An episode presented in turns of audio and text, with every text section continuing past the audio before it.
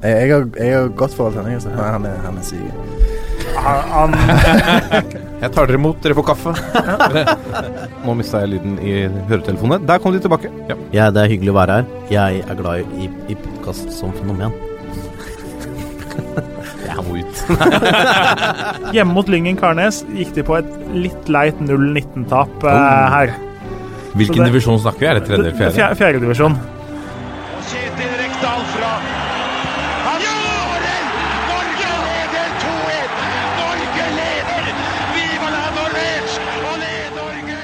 Og der er uh, toppfotball tilbake igjen, direkte inne fra Nesten direkte, i hvert fall. Direkte, det er jo en ren løgn, men eh, live uh, i opptak, må vi, må vi kunne si, fra, fra koronastudio. Uh, på henholdsvis Sankthanshaugen og Fettsund. Denne gangen var var Ole Martin travelt opptatt med, med preseason. Det er ikke så veldig ofte vi kan si det i juni, men det er altså tilfellet.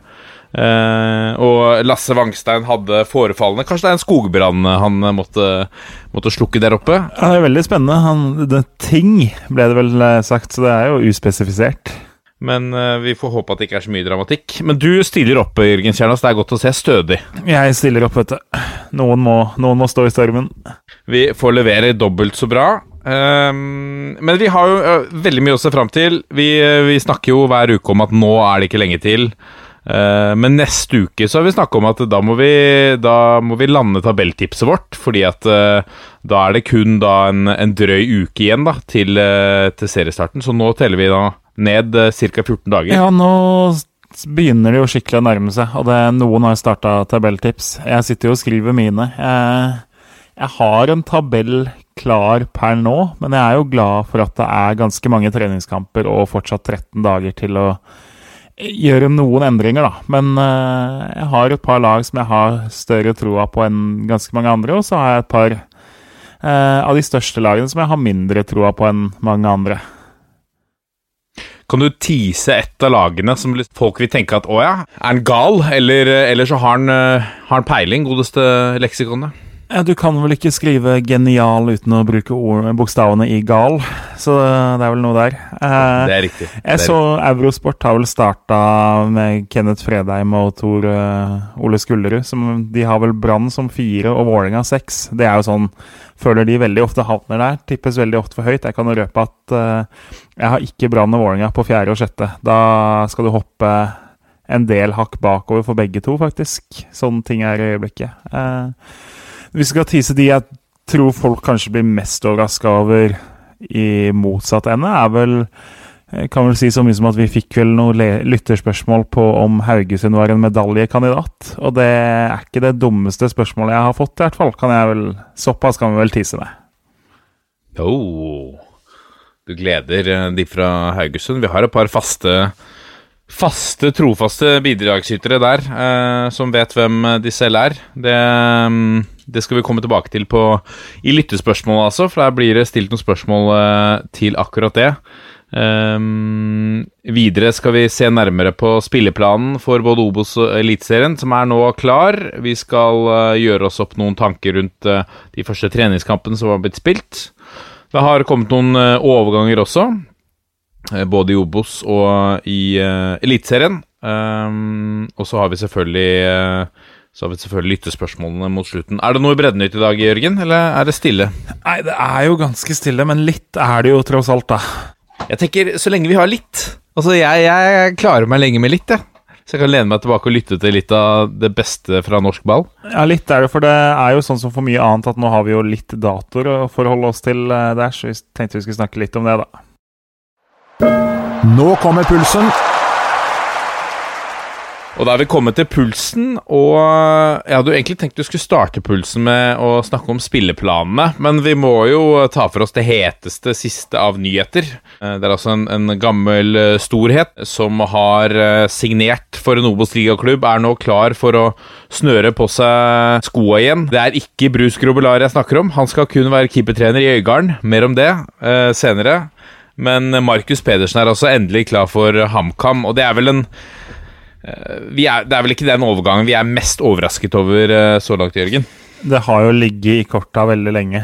Det, men det er jo gøy uansett, da. Det er klart, han har jo ikke hatt den karrieren de siste årene som har gått helt i den retningen han hadde håpa og trodd, kanskje. Og da, når det blei som det blei i godset, han har gått et år uten klubb, eh, og på en måte ikke vært så attraktiv for andre heller da, etter det, så, så er det jo veldig gøy at han nå havner tilbake på Hamar, som han forlot som tenåring. og det er klart at uh, HamKam håper jo så klart at det de får hjem nå, er spissen som skal være i god nok form uh, til å faktisk skyte dem opp. De har jo vært tynne på topp, så det er ikke bare at Markus Pedersen kommer hjem liksom, for å fylle opp. Han kommer hjem og er den som må levere for at HamKam skal ha en god sesong.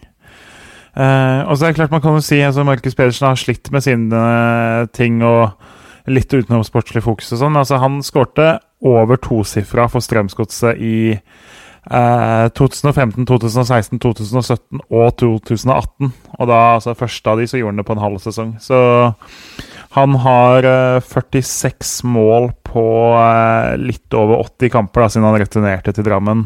Eh, så det blir jo veldig spennende. Han, han er jo en spiss som i form bør eh, være en brennheit toppskårerkandidat uh, i Obos. Og så får vi se da om oppkjøringskampa gir noe svar på hvor nære han kan være det eventuelt, da.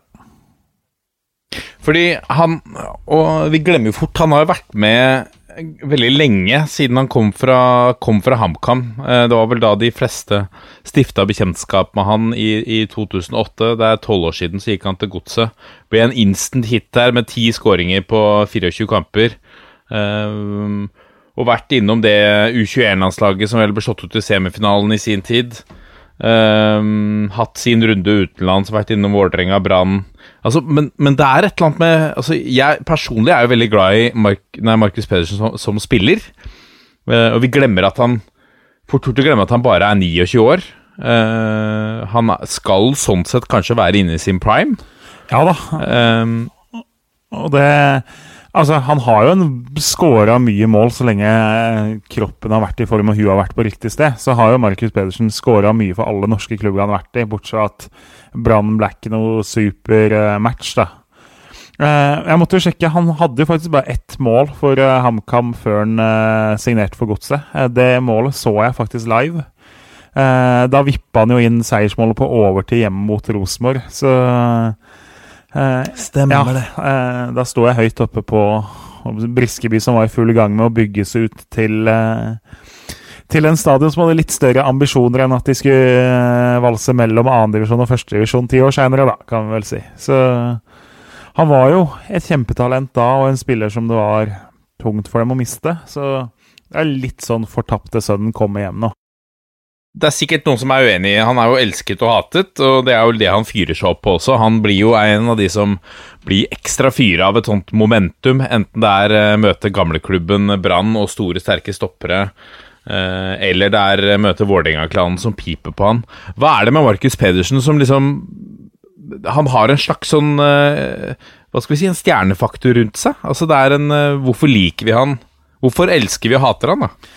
Ja, nei, altså, Noen spillere har jo mer personlighet enn andre. Det er jo så enkelt som det. Noen eh, eh Ganske mange eliteseriespillere kunne valsa opp og ned Karl Johan eh, ganske mange ganger i løpet av en dag uten å bli stoppa eller gjenkjent. Eh, Markus Pedersen ville blitt gjenkjent av veldig mange, også de som egentlig ikke ser på fotball, hvis han hadde gått eh, samme gata opp og ned nå en eh, junidag. og det er klart, han er jo litt Kall det klysete. Altså, kan framstå litt eh, ekkel og ufin på fotballbanen. Eh, og det er jo litt sånn De spillerne elsker du å ha på ditt eget lag. De som trøkker til, melder litt, som det er litt greie med.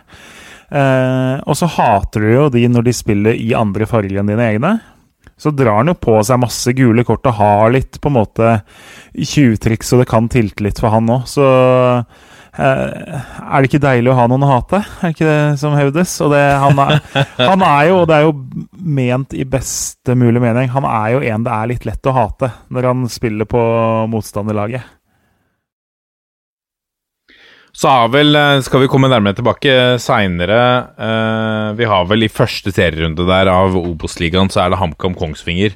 Altså selv uten et selv uten publikum eh, Nå kan det hende det blir noe publikum likevel, men, men eh, selv uten et fullsatt eh, Briskeby Dette er jo en kamp som i utgangspunktet han er skapt for. Ja, da, så har de vel nå, uten å dobbeltsjekke, så mener jeg det er Åråsen i runde to, jeg. Og det Ja.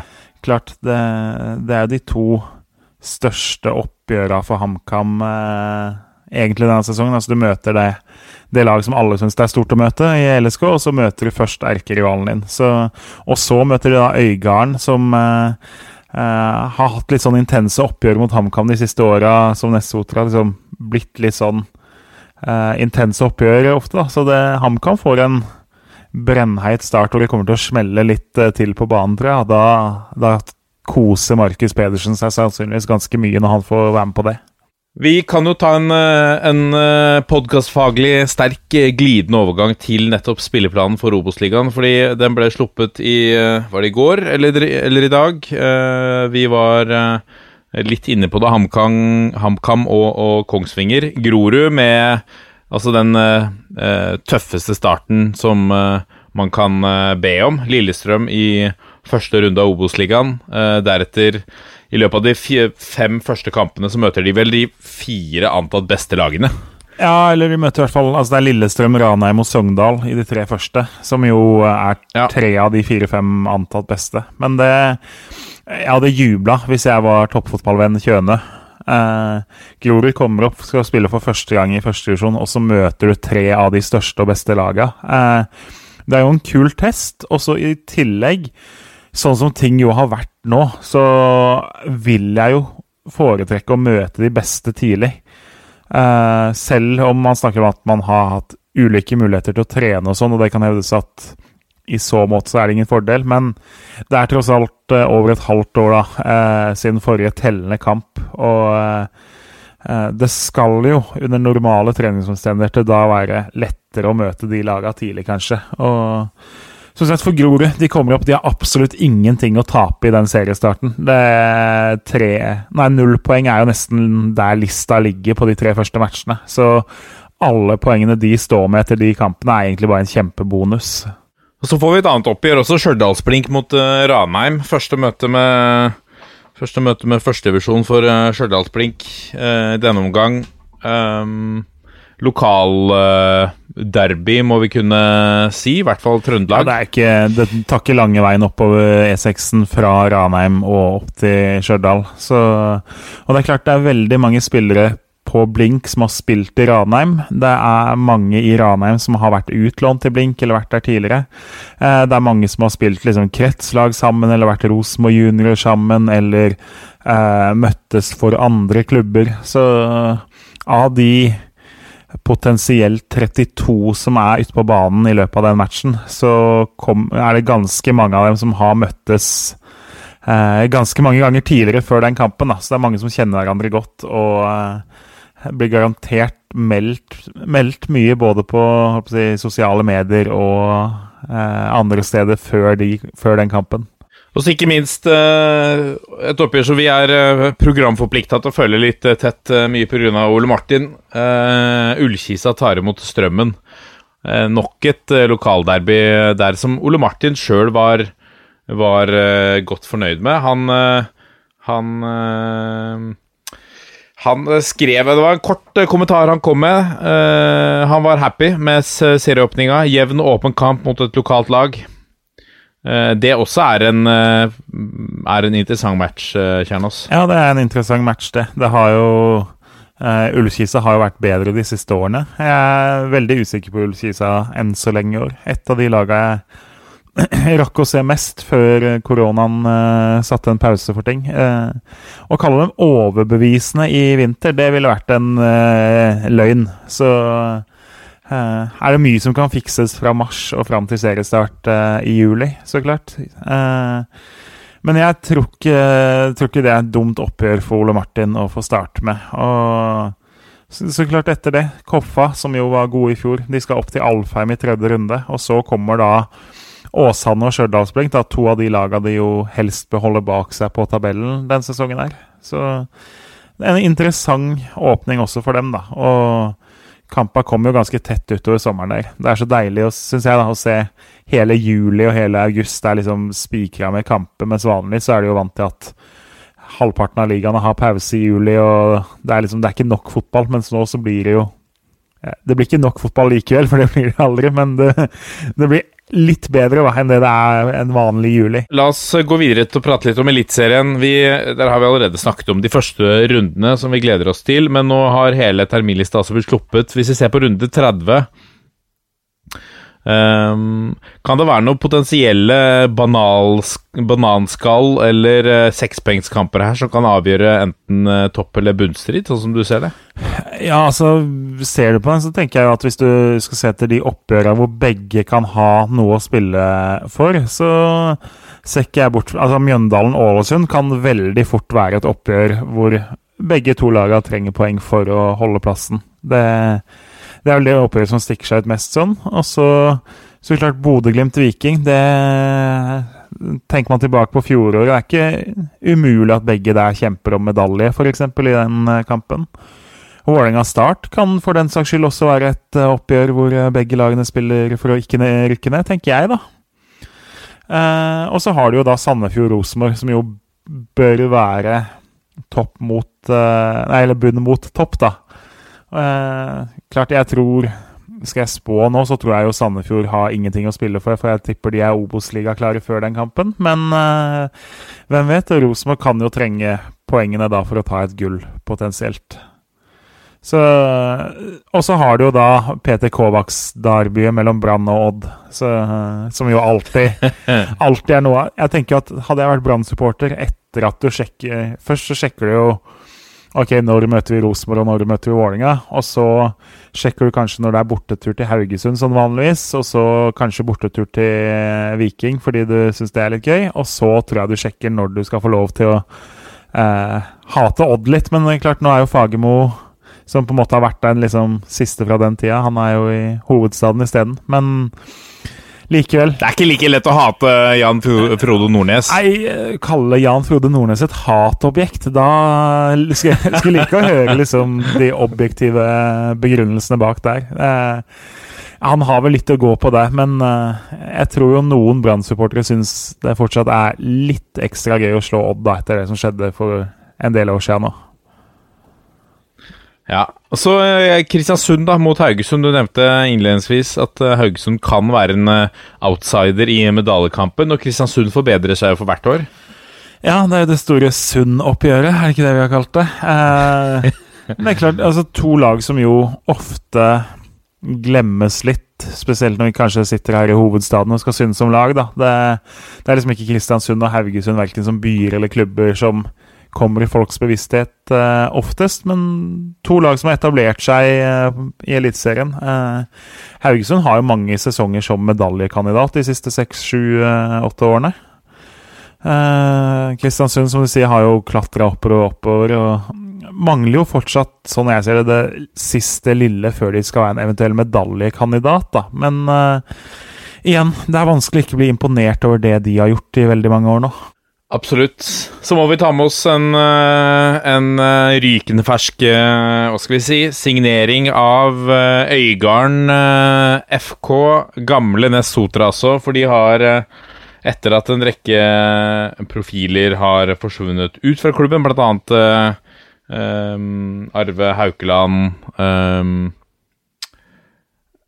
eh, Alexander Dang, selvfølgelig, og, og eh, Steffen Landro. Åh, nå står det stille. Steffen Landro, selvfølgelig.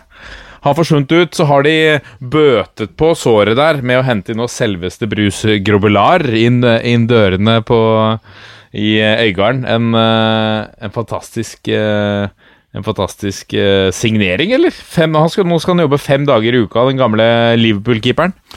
Ja, det er jo et kult Fem dager i måneden. Fem dager i måneden. Ja, nei, altså Det er jo et kult navn å få inn, da. Det er det så klart. Men øh, Og klart, han har masse keepererfaring, så det fins jo keepertrenere med mindre keeperfaglig bakgrunn enn han. Eh, hva han står for sånn eh, På det punktet er jeg egentlig ikke helt sikker på. Det blir jo spennende å se. Eh, men det, det er jo kult for noen, da. Hvis, eh, eh, og det er jo litt gøy når man ser de folka dukke opp. Eh, så jeg måtte jo lese, og det er vel fordi han er vel da samboer med ei som er i styret til klubben og bor der.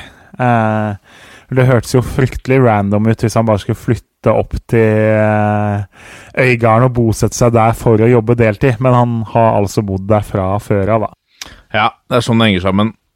Vi eh, må ikke glemme å eh, gå ta en snartur innom eh, treningskampene som har blitt spilt, fordi eh, noen lag har vært eh, har uh, hatt det litt mer travelt enn andre. Godset bl.a. har gjennomført to treningskamper på de siste to-tre dagene. Uh, henholdsvis 2-1 mot Mjøndalen og 1-0 mot Stabæk. Uh, Rosenborg Bodø-Glimt 1-0. Odd Sarpsborg 1-2.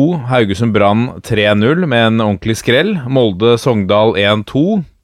Ikke så verst den skrellen der heller. Eh, Godset Stabæk altså 1-0 og Brann Åsane 2-0.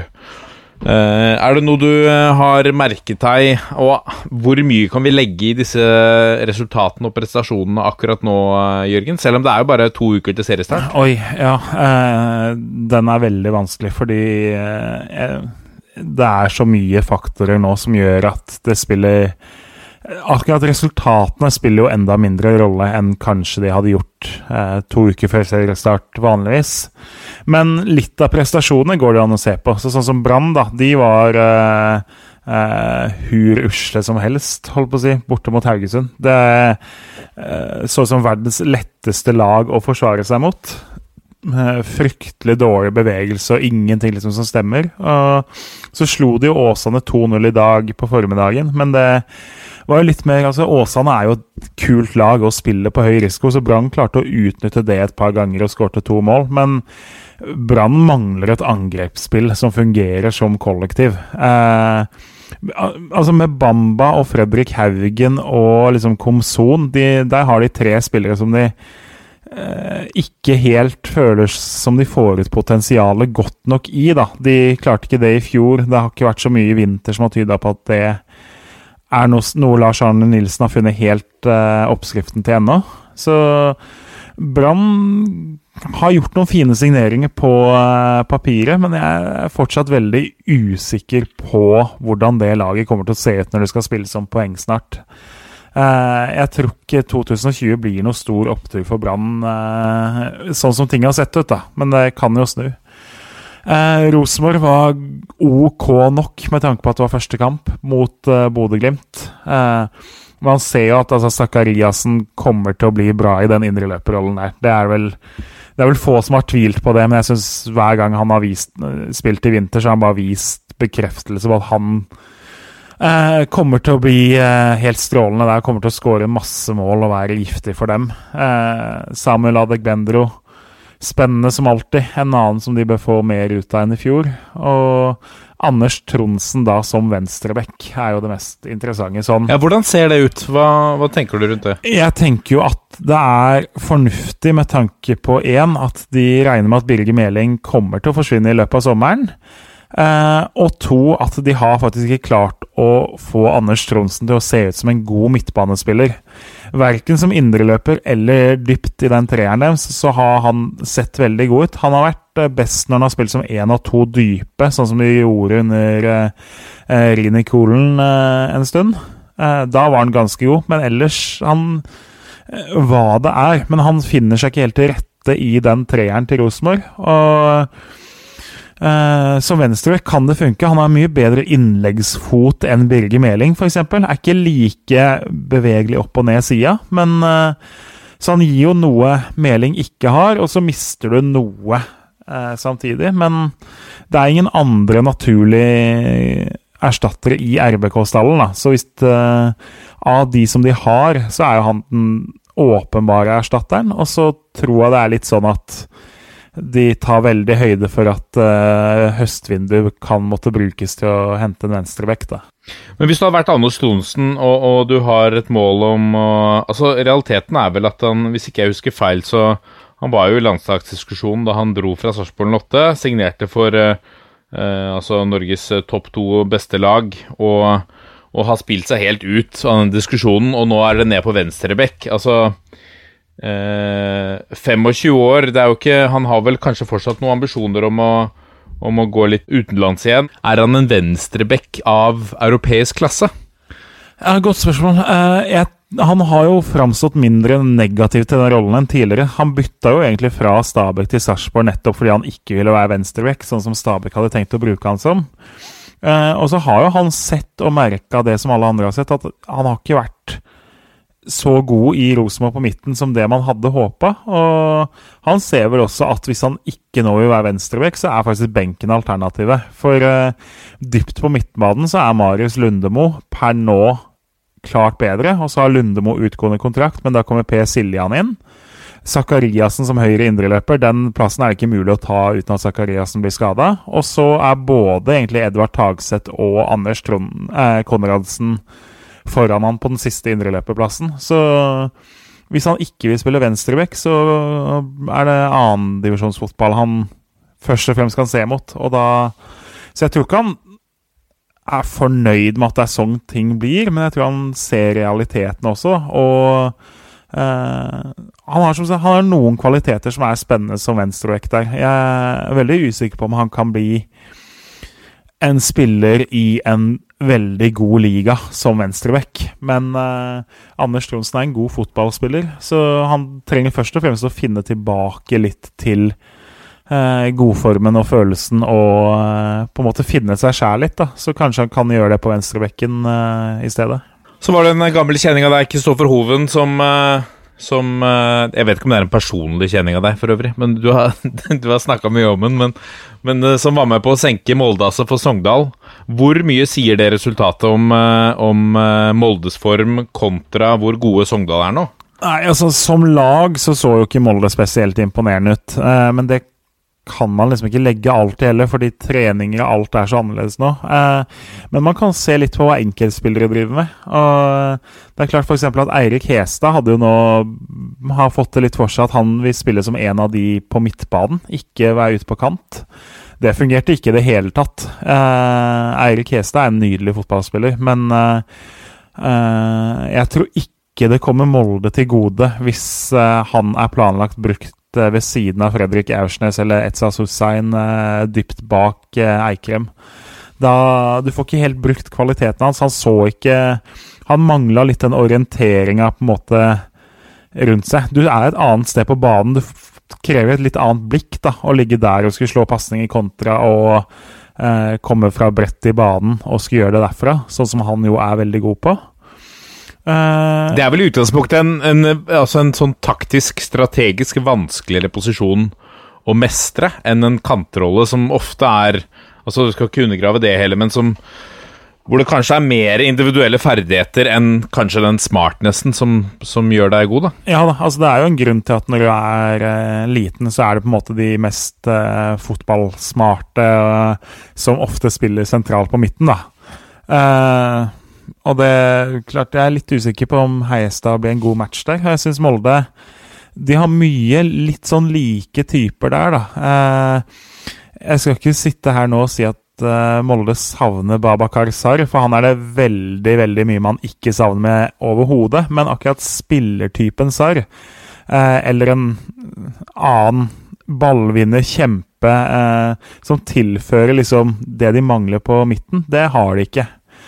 Og når du da samtidig er tynne på stoppeplass, jeg er veldig usikker på Molde om de fire da som blir liggende på en måte sammen, to stopper og to dypt på midten, om de har nok kvalitet og nok utfyllende ferdigheter til at Molde er et uh, gullag nå. Er, jeg syns det halter mest der, da. Av de andre så så jeg altså Leke James var ok. Erling Knutson var god. Han var kanskje bestemann. Eh, Magnus Eikrem prøvde på mye, lykkes ikke med alt, men eh, du ser jo hvordan hans måte å utføre fotball på er på et så høyt nivå, da, selv om det ikke var en god kamp for han. Men først og fremst honnør til Sogndal, da, som igjen imponerer meg. De eh, spiller fint. De har masse unge, gode, kule spillere. Så Sivert Mannsverk det er igjen god. Eh, kan fort bli kaptein for dem i en alder av 18 år nå den sesongen her. Spilte med kapteinsbåndene nå mot Molde. Han, eh, han blir ikke lenge i Sogndal. Eh, hvis hvis det finnes en fotballklubb i Norge som mener at de er topp 20 i Norge, og så sier de samtidig at de ikke er interessert i Sivert Mannsverk, da driter de seg ut. For altså samtlige klubber over, Molden, eh, over Sogndal i fotballhierarkiet er interessert i han. Hvis ikke så veit ikke helt hva de driver med. Det Ja, Det blei jo snakket om noen Serie A-klubber og litt sånne ting som drev og fulgte han i fjor høst. Ja, og det skjønner jeg godt. Og nettopp Molde er jo også interessert. Eh, De har jo vært veldig gode på å hente, tross alt, eh, lovende talenter med norsk pass eh, ganske billig fra både Obos-ligaen og andre eliteserieklubber. Og for dem så er nok han en ganske høyt prioritert spiller i året framover. Hva med, hva med Odd, da? Odd Sarpsborg 1-2. Vi har jo uh, vært litt skeptiske til uh, hva som foregår uh, i Odd nå, om de klarer å Altså, de har jo For det første så har jo den spissplassen til uh, Torgeir Børven litt sånn usikker nå. nå. Nå har det kommet et nytt krampestøt for å få han til å signere ny kontrakt, men han kan jo fort kan jo fort forsvinne. Imponerer ikke mot uh, Sarpsborg Lotte. Nei, der har jeg bare sett uh, bitte litt av høydepunktene. Uh, skjønte jo på folk og på Sarpsborg selv at uh, Sarpsborg hadde vært best og egentlig skapt flest sjanser her. Uh, som du sier, Børven. Uh, det kommer til å bli veldig avgjørende for Odd. Åpenbart hva han bestemmer seg for. Jeg tror Tobias Lauritzen, hvis han får tillit over mange kamper på rad, at han kommer til å skåre OK med mål, han òg. Men eh, Børven var altså oppe i eh, 20, eh, eller var det 21? Nei, det var, en, var det ikke 21 eh, sist sesong? Ja, det kan være. Det er særdeles vanskelig å gjenskape uten å skulle bli helt boring Kalle her. Så eh, Og så har de jo liksom Altså Kachi som venstrekant. Det, Kachi har mye spennende, han. Jeg er usikker på om han er en typisk Odd venstrekant eh, fortsatt. Og så har jo en litt aldrende forsvarsfirer som er litt utsatt for litt skader og har ikke helt funnet midtbaneløsninga si. Eh, eh, Odd har definitivt kvaliteter, men foreløpig så er jeg litt Vannet er lunkent. Det er ikke helt åpenbar badetemperatur i Skien, for å bruke en sommerforklaring eh, på det. La oss uh, gå videre, for det skjer uh, i hvert fall litt på spillersiden. Uh, Martin Rønning Ovenstad ble jo Hans kontrakt med Strømskose gikk ut ved nyttår. Nå har han signert for erkerival Mjøndalen, som jo bidrar til å fyre litt ekstra opp rundt Elv Classico også. god signering for Mjøndalen. Ja, altså det var jo der han starta karrieren, da. Så begynte jo å spille ganske mye der da han var 16 år. Eh, Syns jo ikke Rønning Ovenstad har hatt noe stor utvikling i karrieren sin siste året. Har jo vært litt sånn eh, for å fylle opp stall og benk og vært mye innbytte både i Stabæk og i Godset. Og så hadde han en eh, litt overraskende overgang der til Østerrike, eh, hvor Storm betalte anstendig penger for han. Det er en av de mest merkverdige overgangene nesten i Eliteserien de siste årene. Så, men det er klart altså Mjøndalen er, har ikke voldsom bredde på den midtbanen fra før av. Så når du da skal spille kamper hver tredje-fjerde dag, så trengs det eh, større bredde på midten enn de hadde. Og da du får inn en OK eliteseriespiller som er fra stedet og har spilt for klubben før, og som var kontraktsløs. Så ikke noe sånn eh, champagne- og marsipankakedag nødvendigvis i Mjøndalen, men eh, en forståelig signering, absolutt. Det var raust. Det var raust. Raust fra Kjernås. Eh, en, annen, en, annen, gledelig overgang, eller to, da, til, uh, til Ullkisa. Signert nå Stian Ringstad, uh, gamle ringreven. Og også Mesut, Mesut Khan fra Mesut Khan, Mesut Chan fra, fra Skeid. Som jo du også påpekte i etterkant av overgang, Jørgen, at det er jo en mann som tidvis ikke har fått vært med på alle treningene i Skeid fordi han jobbet nattevakt på Posten. Um, og, og, ikke kunne leve et helprofesjonalisert uh, fotballiv. Nå det har jo ikke vært tvil om talentet hans, men han har jo også blitt avskrevet av mange pga. en skade. For en revansje nå, da, å komme tilbake og endelig sikre seg den uh, signaturen som gjør at han spiller på neste øverste nivå også i 2020. Ja, nå er han vel, sånn jeg skjønte, så skal han være helproff, ja. Eh, det er vel det Odd, eller Ullkissa vil. Og som sier, han, for han så kom jo denne koronapausen kanskje litt beleilig med tanke på den skaden han pådro seg helt på slutten av forrige sesong. Så uh, alltid skåra mye mål i alle klubba sine. Det er klart han har jo uh, spilt på et guttelag hvor det var gode trenere inne i bildet, blant annet. Så det var undertegnede som snakka om seg selv der, hvis du Ja. Uten at jeg hadde noe ansvar for han, men da Så han hadde jo da blant annet Han hadde mye oppfølging fra tidlig da, var med på et godt lag da, og har alltid skåra bøttevis med mål. Eh, rett og slett en av de spillerne som, som har det genet i seg, da. Men eh, Og Stian Ringstad er jo for dem en kjempesignering. Han har jo spilt eh, Foruten et opphold i Portugal, så har han jo spilt eh, ganske mange eliteserieklubber-kamper de siste ti årene. Og eh, så har jo heller, som, som vi sa for Ovenstad, altså for Ringstad òg, så har jo på en måte karrieren eh, gått mer sidelengs og litt nedover enn at det har fortsatt oppover. Vært mye innbytter, ikke helt liksom fått noe tillit eh, på ganske lenge. Eh, trengte å ta et steg ned, og er jo fra rett borti hugget. Han er vel fra Nes, som jo er nabokommunen til eh, Ullensaker. Så for Ullkisa så er jo det en kjempesignering å få hjem en av de aller, aller beste lokale spillerne som fins. Uten tvil. Vi må jo ta en tur innom Siden Ole Martin ikke er med. Uh, vi må jo ta en tur eh, innom Strømmen også, for han har jo sikra seg, siden vi satt her sist, har han sikra seg to spillere. Uh, og det er uh, ingen ringere enn toppfotballvenn Brede Sandmoen som er den ene av de. Ole Martin beskriver han selv som en teknisk bra spiller som ligger langt framme på romforståelse, og her i Strømmen så får han en flott arena for videre utvikling. Det er jo en eh, spiller som har banka inn Jeg tror han sto med 16 mål jeg, for uh, rekruttlaget i, eh, i, eh, i fjor. Kan ikke det stemme? Ja, det var, det var veldig mange, i hvert fall. Eh, det var det. Ja. Eh, den andre er Sander eh, Birkeland. En, eh, en fysisk spiller som kommer til å skåre mål, sier Ole Martin. Eh, ligger langt framme i presspillet sitt. To, eh, to viktige signere for de. Sander Birkeland, som vel går inn som en direkte erstatter for Mathias Blårud, som de solgte til Sogndal. Ja, også en spiller som har eh, Han har jo en litt sånn merkelig CV, for han er vel fra Sørlandet. Og så havna han oppe i Finnsnes eh, av eh, om det, sto vel noe sånn på Strømmen si om det var kjærligheten eller studiene. Det får han svare på sjæl. Det sto vel noe sånn.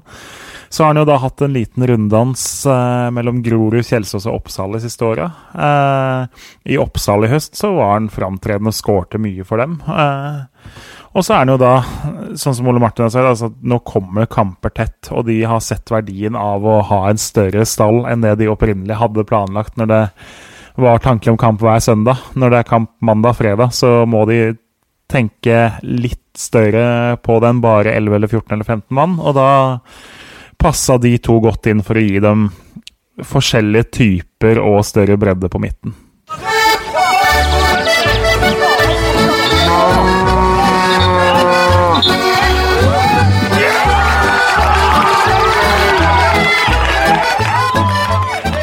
Og da er det duket for Breddenytt ved spaltens eh, president Jørgen Kjærlås.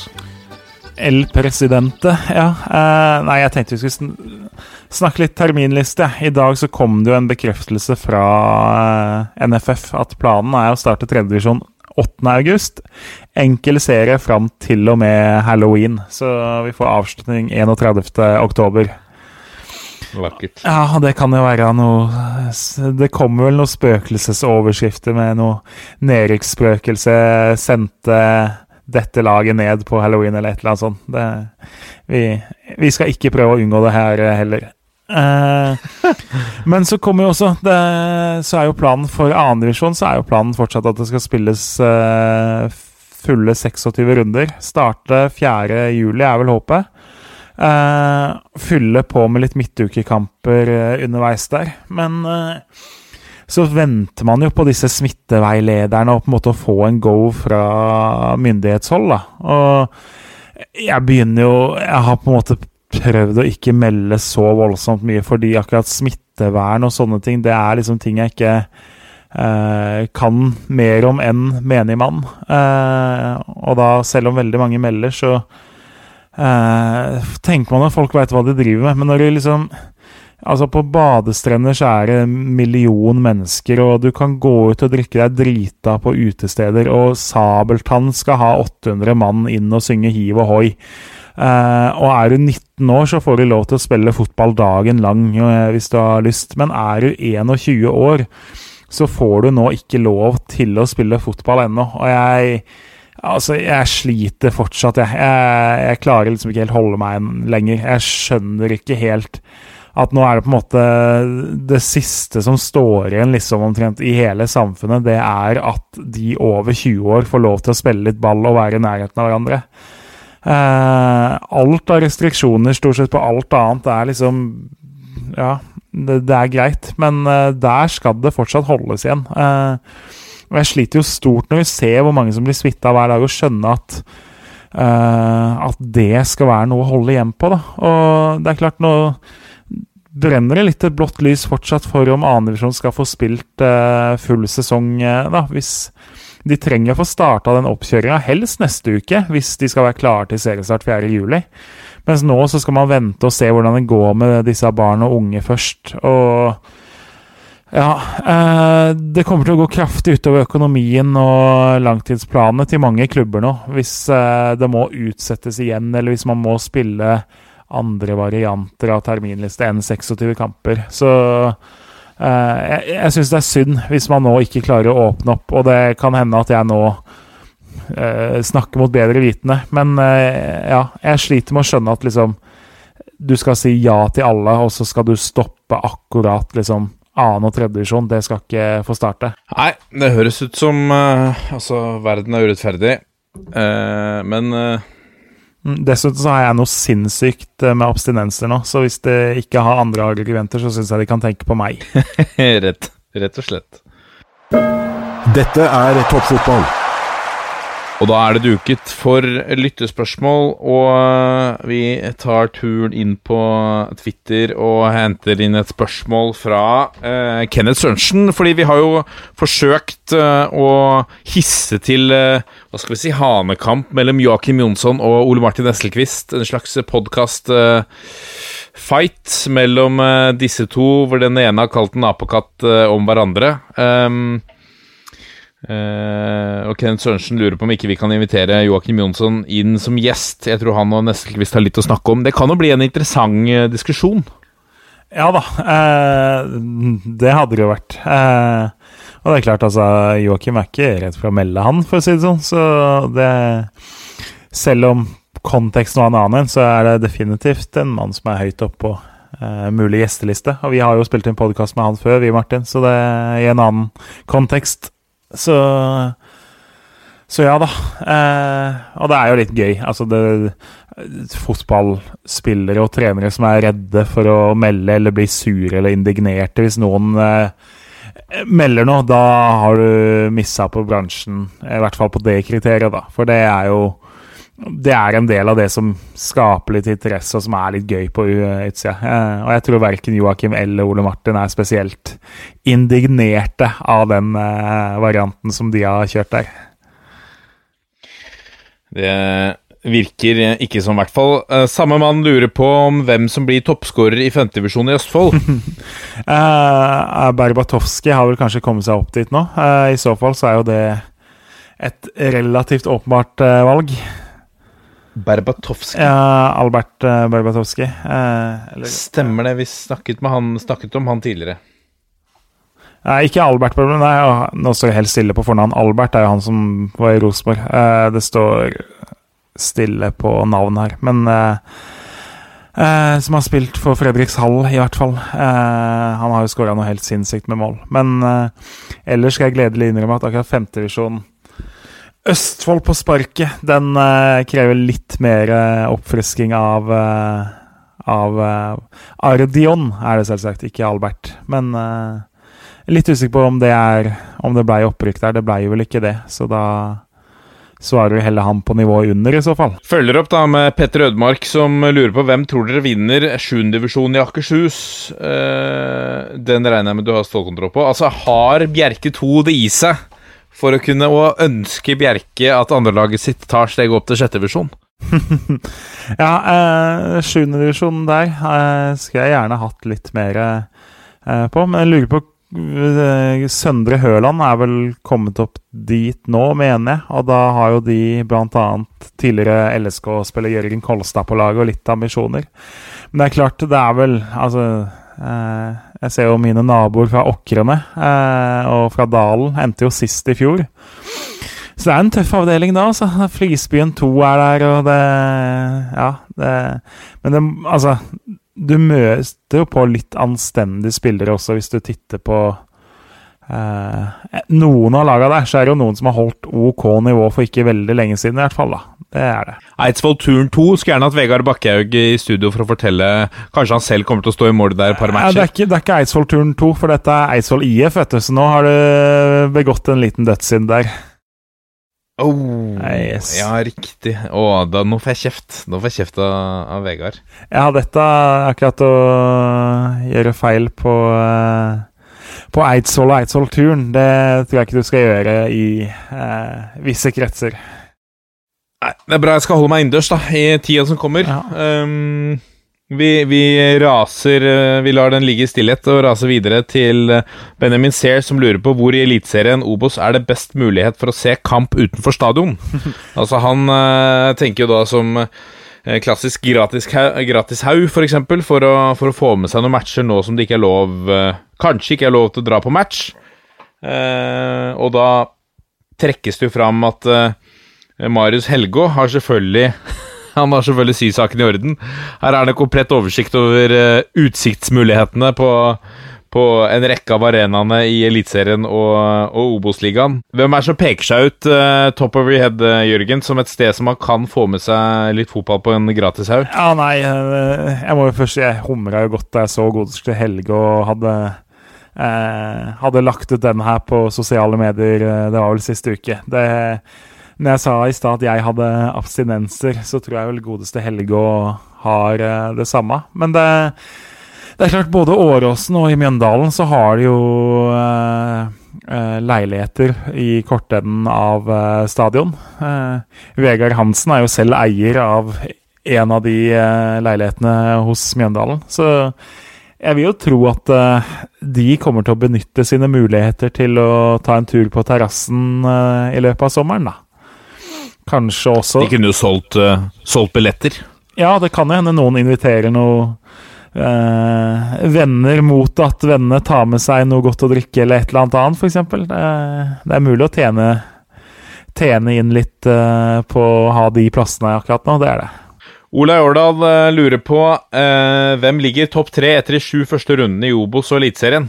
Oi, ja. Eh, nei, altså, Eliteserien så et, Altså, etter sju runder så kan jo veldig mye skje. Det er klart eh, Media har allerede begynt å erklære krise eller å finne ut hva som er suksessoppskriften til lag som ligger høyt eller lavt eh, såpass tidlig. Jeg syns eh, eh, Altså, jeg tror Rosenborg kommer til å ligge der oppe. Jeg har eh, lyst til å kanskje dra fram Sarpsborg òg, jeg. De eh, møter jo da Mjøndalen, Sandefjord og De møtte Mjøndalen og Sandefjord og Stabæk annet ganske tidlig. Eh, har Start hjemme, har Godset hjemme, har Vålerenga hjemme. Så, eh, og Bodø-Glimt eh, borte. De eh, er det vel. De har et kampprogram som er interessant. Eh, Ellers så, altså, så jeg sier Rosenborg, Sarpsborg og så siste som ligger i toppen. Det kan være ganske mange, for så vidt. Men uh, da sier jeg at Viking er det siste laget som er oppe der. De har vel også et litt OK-program, i hvert fall såpass tidlig. Ja, vi må, må ta Obos òg. Jeg. Jeg har ikke, jeg har ikke rukket å se nok eh, på den til å jeg, gå dypt gjennom hvem som har de letteste og tøffeste programmet der. Men uh, han er vel glad i Sogndal. Altså Sogndal har for så vidt et OK program de første rundene. Møter jo Lillestrøm borte i syvende kamp, da. Men uh, uh, vanskelig å komme utenom Lillestrøm uansett. Jeg sier Sogndal, og så mener jeg å huske at toppfotballvenn Jørgen Isnes også hadde et OK program i de første rundene, og det har de for så vidt. Så jeg, jeg slenger med Koffa på tredjeplass der, jeg. Oh, det blir en glad for, vet du. Ja, og det er jo viktig å si at nå snakker vi sju runder, for det, det skiller seg jo fra hva man tror etter 30, tross alt. Notert, notert. Norlik 86. Publikum, ja eller nei, og hvor skitten prosess blir det å begrense publikum inn på kamp? Her kommer garantert noen trofaste til å falle utenfor. Vi har vært inne på tanken om loddtrekning, eller om at man skal dele det inn etter ansiennitet i uh, gitt supporterklubb. Ja, altså, jeg, jeg tror lite egentlig om den derre hvem er mest supporter, og dermed fortjener å få lov til å komme og se på kamp. Eh, hvordan du skal måle det, det tror jeg bare blir en prosess som kommer til å gjøre at veldig mange blir fornærma og sure og, og grinte. Eh, jeg tror at det mest rettferdige du kan gjøre, er at hvis du får si lov til å slippe inn 1500 etter hvert, da, så, og så har du solgt 3000 sesongkort, da trekker du mellom de 3000 hvilke 1500 som får komme inn på den kampen. Eh, og så får du på en måte slippe inn de andre på neste kamp, da, eller på en måte sånn at eh, alle får lov i, løpet av så mange kamper det kreves for å få inn alle med sesongkort. da. Eh, og hvem som får hvilke kamper, det får man trekke. Så Uh, har sikkert mange av klubbene allerede begynt å tenke på andre mulige løsninger for å gjøre dette òg, men uh, uh, det er mye bedre da, hvis du sier, sier, at du har solgt 5000 sesongkort og får slippe inn 500 hver kamp. Da er det bedre at alle sesongkortinnehaverne får se én kamp hver, enn at 500 får slippe inn på ti kamper på rad, på en måte. da. Så Eh, jeg håper, jeg håper, de som er sesongkortinnehavere eller på andre måter eh, støtter klubben, da, uh, får dele på de mulighetene. Men om det blir lov, det er jeg usikker på. Det er så klart Nå trekkes jo godeste Sabeltann fram av veldig mange, fordi de tross alt får lov å det må jo være mulig på en stadion, altså se hos Vålerenga, da. Så si at du har lov til å ha 300 bak det ene målet og 300 bak det andre målet og 600 på hver langside, da, så kan de sitte med ganske god avstand mellom seg. Da har du 1800 mann inne på kamp, og så har du da 2000 totalt der. Eh, I forhold til hvordan ting har vært de siste månedene, så er det mange. Men eh, det lar seg gjøre i andre land hvor man har gjort det. Det lar seg gjøre da i Dyreparken. Eh, så det er håp, men om det er på en måte litt sjanse eller god sjanse, det, det har jeg ikke nok måte, kunnskap om eh, til å vite noe om, annet enn at jeg håper jo NFF gjør en god jobb med å overbevise myndighetene også der, da. Kan følge opp med spørsmål fra Thomas Carlsen i den uh, sammenhengen. For dersom det åpnes da, for la oss si 800 000 tilskuere, uh, klarer de å lage den stemningen som, som man kanskje ønsker seg ved å slippe inn litt av publikum? Du får i hvert fall mer enn den der tomme ekko som vi nå Den treningskamp-preseason-følelsen som du nå får av, eh, av å se Bundesliga. Ja da, du får noe for det, men eh, så det blir jo litt eh, Det blir et litt hyggeligere TV-produkt for øynene og kanskje for ørene, men Eh, veldig mye skal du ikke ha å si, for de får jo ikke lov til å samle seg sannsynligvis på noen tribune og stå og hoppe og synge og vaie sammen. Eh, men i det så må jeg jo si, jeg satt jo så litt fra danskeserien i helga òg, hvor eh, de har testa ut dette med stadionlyd. Eh, sånn at de har lagt på gammel stadionlyd på kampene. Og det i en av matchene så, så jo, var det jo noen som reagerte, for der spilte jo opptak fra andre lag enn de som var i aksjon. Så det var vel Esbjerg mot et eller annet, og så plutselig hørte du noe Brønnby-chants eh, på sendinga. Mens eh, eh, en av de kampene jeg så, så var det mer sånn summing i bakgrunnen. Da hadde de lagt det veldig lavt. Det lå der liksom som en liten sånn derre som kilte deg litt i ørene bak der. og var jeg trodde jo ikke jeg skulle like det, men litt behagelig var det å få det framfor å få nettopp den der tomme akustikken som du får i Bundesliga, da. Så mm. det er litt sånn Man skal ikke like det, men jeg syns ikke det var så ille, det de kjørte på den Var det Randers møtte Hobro? Eh, det var helt, helt ok som TV-serie å ha det istedenfor å få gjenklangen. Ja, dette praktiseres jo i alpint, blant annet, for det sitter en fyr på et keyboard og, og lydlegger sendingene. Ja, ja, altså det må jo ikke Blir det sånn parodisk og liksom Ja, overdrevet, så blir det helt jævlig. Men eh, sånn som legges det bare som et lite bakgrunnsspor i bakgrunnen, så tror jeg ikke det kommer til å bli noen sånn storm av reaksjoner på det. Noen kommer jo til å reagere med en gang, og så kommer ikke det til å prege oss så veldig lenge, tror jeg. Spørsmål fra Marius Sletten. Han eh, lurer på tror dere det blir enkelt serie i andredivisjon. Dette får vi jo spørsmål om hver eh, uke. Hva skjer eventuelt eh, så med opprykk og nedrykk hvis det blir enkelt serie? Nei, opprykk og nedrykk blir det. Det er jo sagt, det blir det som normalt. Eh, det skal rykkes opp, og det skal rykkes ned. Men jeg Klubba håper jo NFF har jo sagt at de har troa på at det skal bli dobbel serie, men eh, da trenger man som sagt å starte tidlig i juli. Om man får til lang nok, opp, lang nok oppkjøring, det er jeg usikker på. Så det begynner å haste litt for at det skal gå, men jeg lever fortsatt i håpet. Da har man jo også åpna opp for at kommer man i gang noen uker seinere, så er en form for sluttspill mulig. At man spiller enkel serie, og så deles det da hvor nummer 1 til 7 spiller da om opprykk, og nummer 8 til 14 spiller da for å unngå nedrykk. Eh, og det er klart, da får du 19 kamper istedenfor 13 som du får med enkel serie, og det eh, Det gjør det litt mer rettferdig og litt bedre, tross alt, selv om per definisjon så er vi jo mot sluttspill. Kjetil Børtnes lurer på om Sogndal kan snyte Lillestrøm for førsteplassen ved sesongslutt i årets Obos-liga. Ja, jeg, har blitt imponert over Sogndal i vinter. Eh, og det er klart at det kan de, selvsagt. De har vært bleike gjennom store deler av 2019. Eh, Sogndal er et lag jeg har tro på i år. Og det er klart Lillestrøm kommer til å være favoritt i denne ligaen. Men for meg, fram til Tromsø henter en spiss som gjør at eh, jeg blir imponert eh, der, så har jeg akkurat nå Sogndal på annenplass på mitt tabelltips, sånn som ting er nå. Eh, og skulle da Benjamin Stokke komme inn for Tromsø, f.eks., så kan det hende det må gjøres en grundigere vurdering der. Men jeg syns Sogndal ser ut som en opprykkskandidat på måten de spiller på, og mye spennende typer i det laget. Absolutt. Det blir eh, spennende å følge vår gode venn Endre Kupen også tilbake, tilbake der. Se om han kan dunke inn litt mål eh, i eh, Obos-ligaen.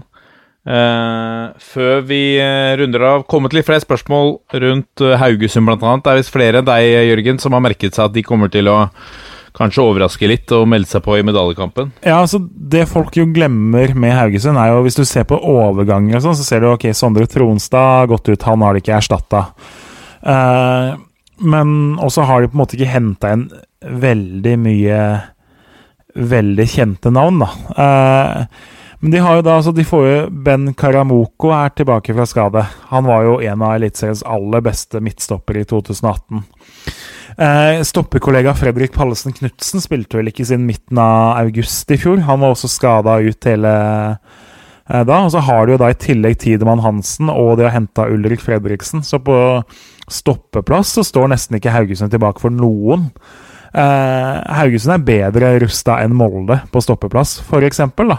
Og Molde er altså regjerende suveren seriemester. Så eh, hadde jeg vært Molde-trener og fått tilbud om å bytte eh, stoppere med Haugesund, så hadde jeg gjort det på sekundet.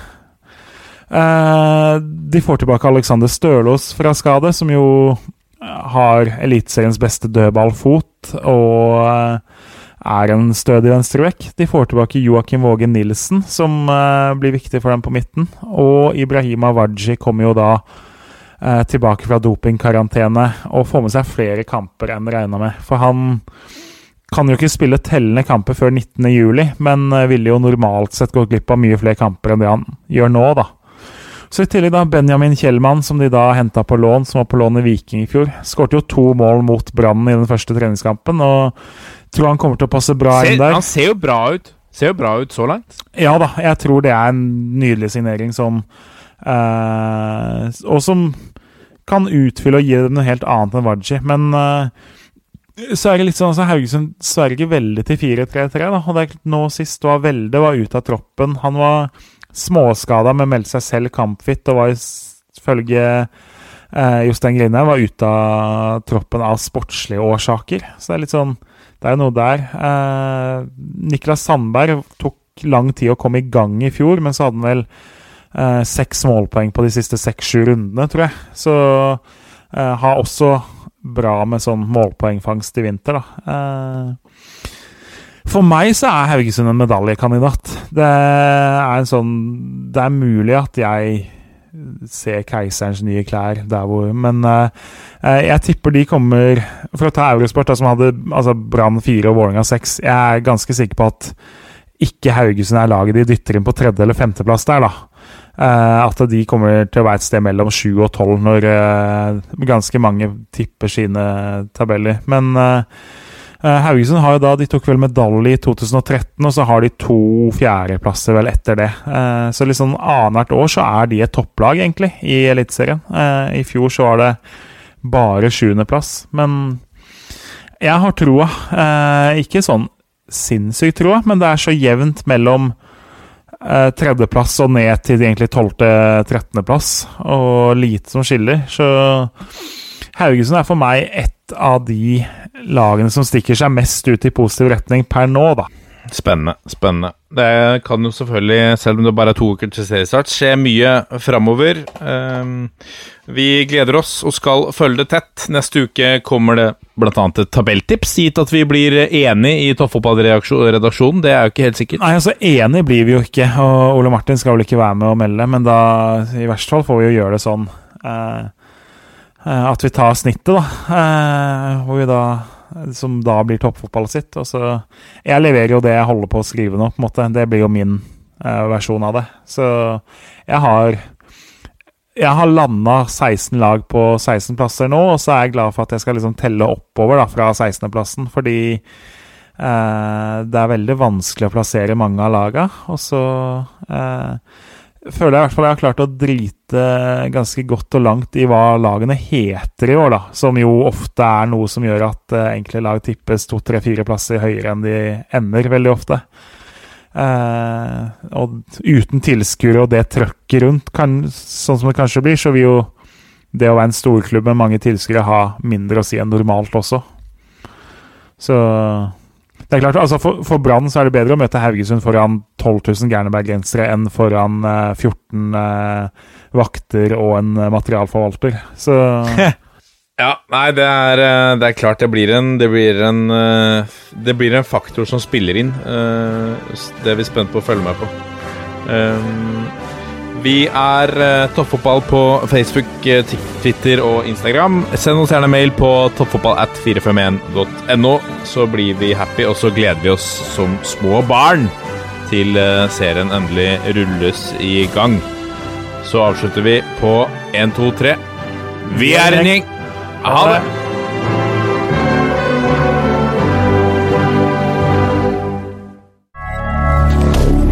Moderne media.